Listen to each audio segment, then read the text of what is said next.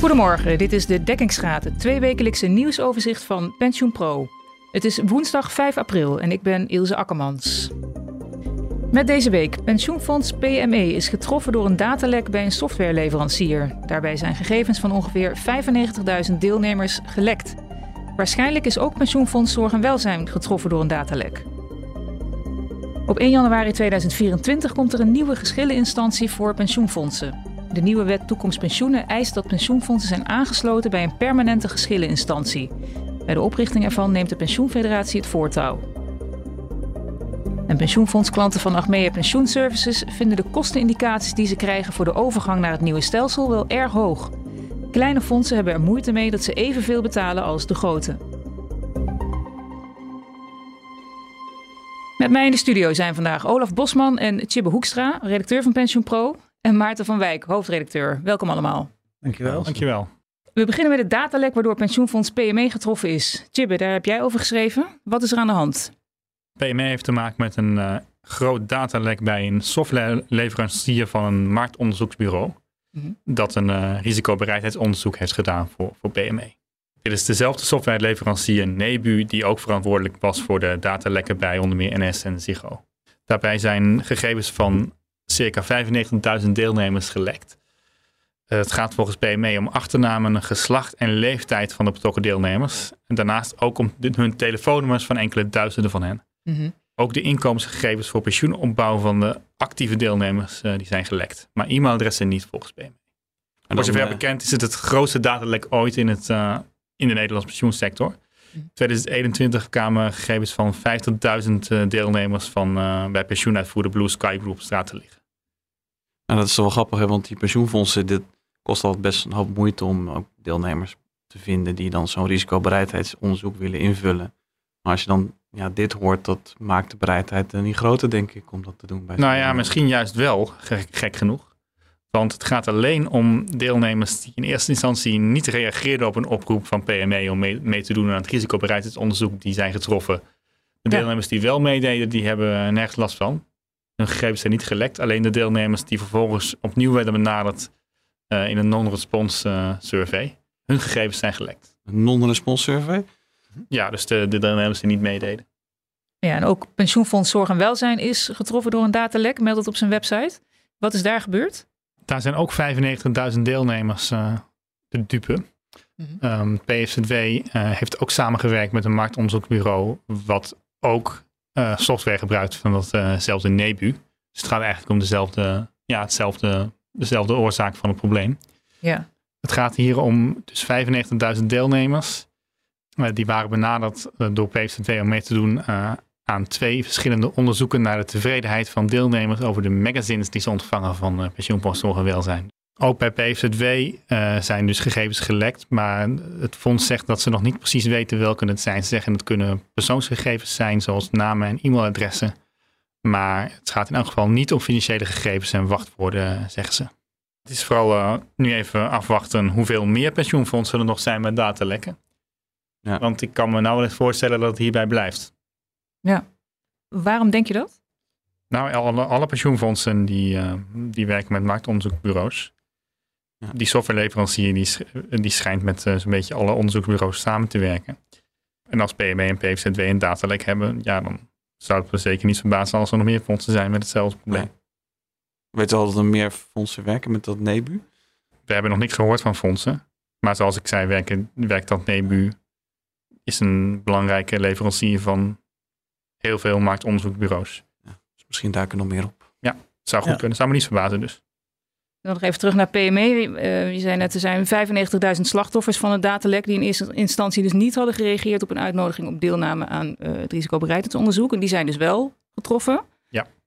Wat zijn de risico's van, van dat lek voor hun?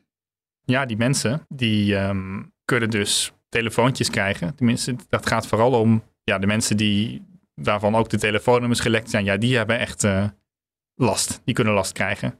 Die zouden dus PME waarschuwt zelf voor uh, phishingberichten of verdachte telefoontjes. Mm -hmm. Dus dan kun je denken aan sms'jes waarbij ze gevraagd wordt uh, iets te doen.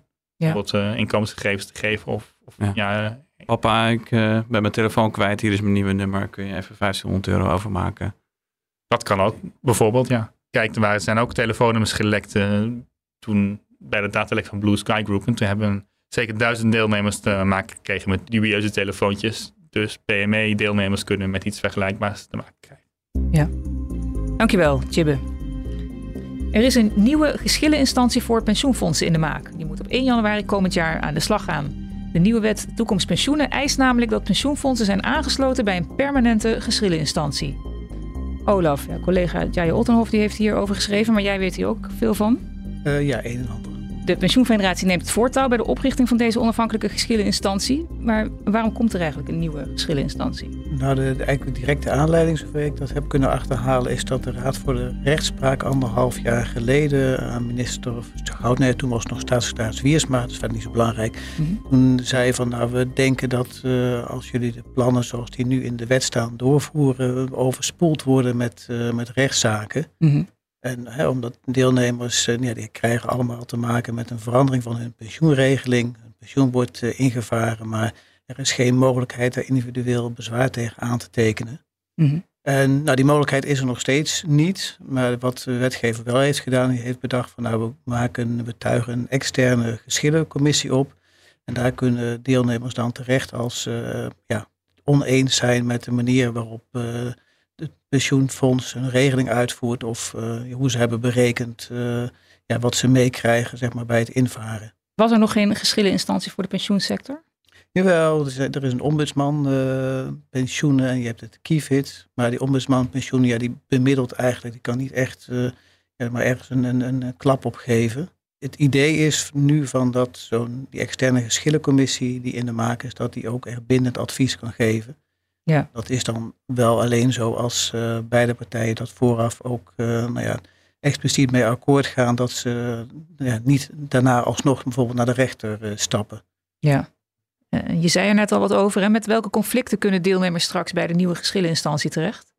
Ja, wat ik net aangaf, als zij vinden dat ze als een pensioenfonds het verzoek van sociale partners om te gaan invaren, als het pensioenfonds daar gehoor aan geeft, Mhm. En de verwachting is dat pensioenfondsen dat eigenlijk altijd wel zullen doen.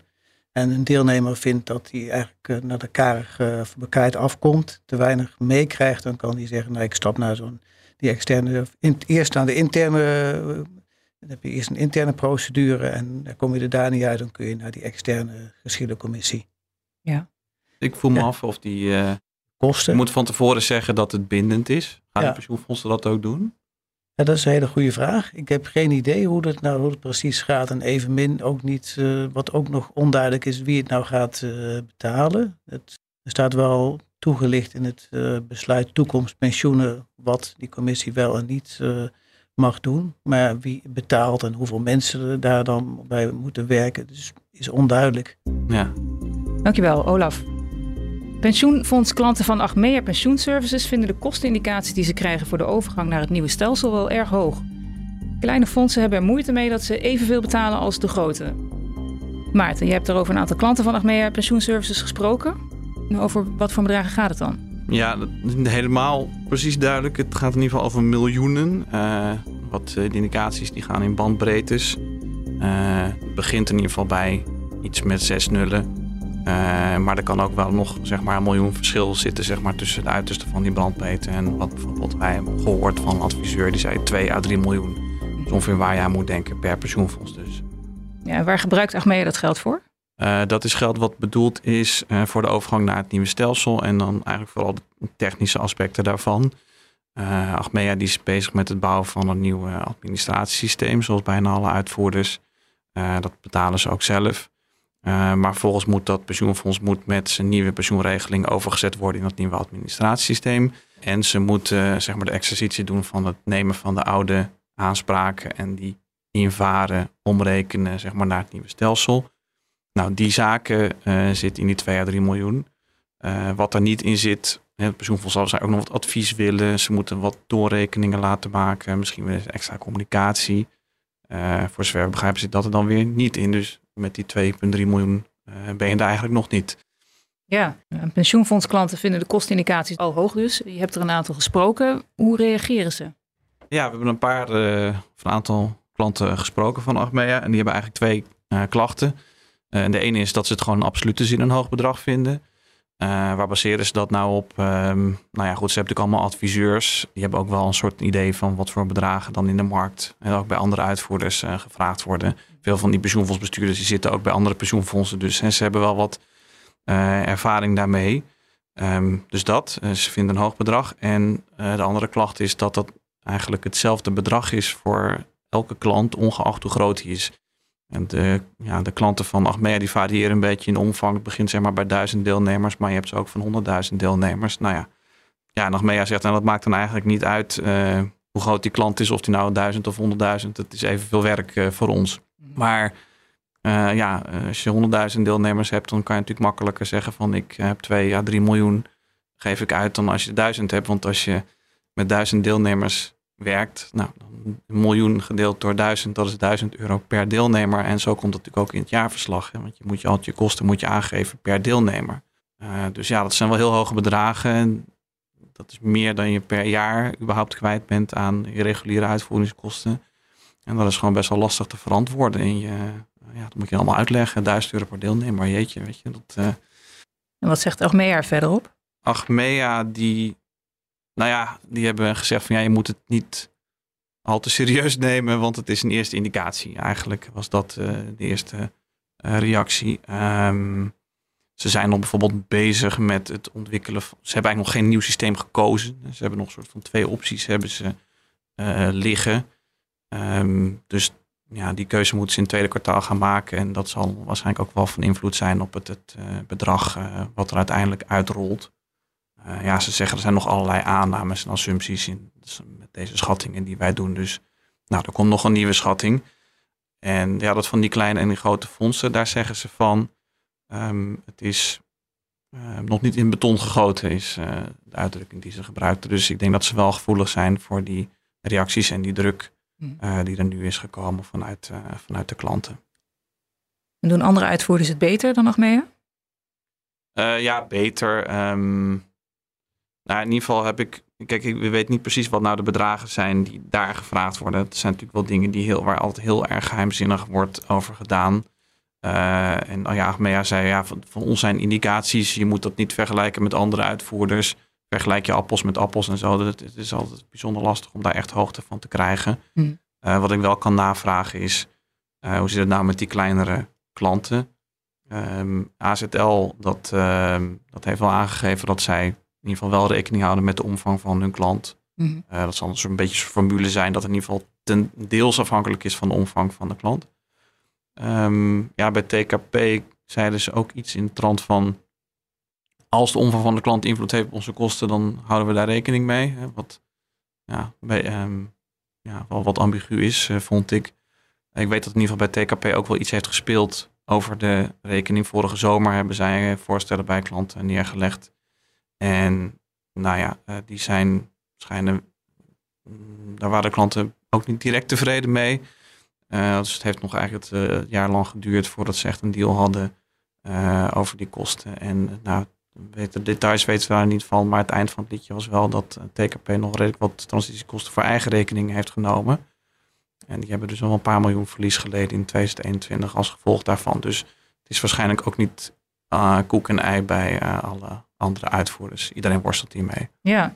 ja, en is overstappen naar een andere pensioenuitvoerder dan een mogelijkheid voor fondsen die de kosten te hoog vinden?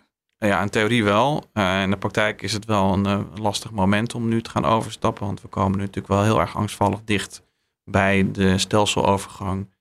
Uh, ja, en zeg maar de deadline hè, voor de transitie. Het is natuurlijk al heel druk. De agenda's zitten vol. Zeker bij de grote uitvoerders met meerdere pensioenfondsen enzovoort. Dus ja, je zou nu nog wel kunnen overstappen. Maar dan dan moet je, kan je pas laat over naar het nieuwe stelsel. Dan zit je daar weer tegen de deadline aan. En als het nu even als je overstappen kan ook misgaan, laten we wel wezen. Dus dan, uh, als daar, ja, wordt wel spannend dan, zeg maar. En die uitvoerders hebben het ook wel druk zat. We zitten ook niet heel erg te wachten nu nog op een nieuwe klant. Dus het zou wel kunnen. Maar uh, ja, het is iets wat ze denk ik liever vermijden in dit stadium. Dankjewel, Maarten van Wijk. En dank jullie wel ook Olaf Bosman en Chibbe Hoekstra. Dit was de dekkingsraad van PensioenPro met de laatste ontwikkelingen in de Nederlandse pensioen- en beleggingssector.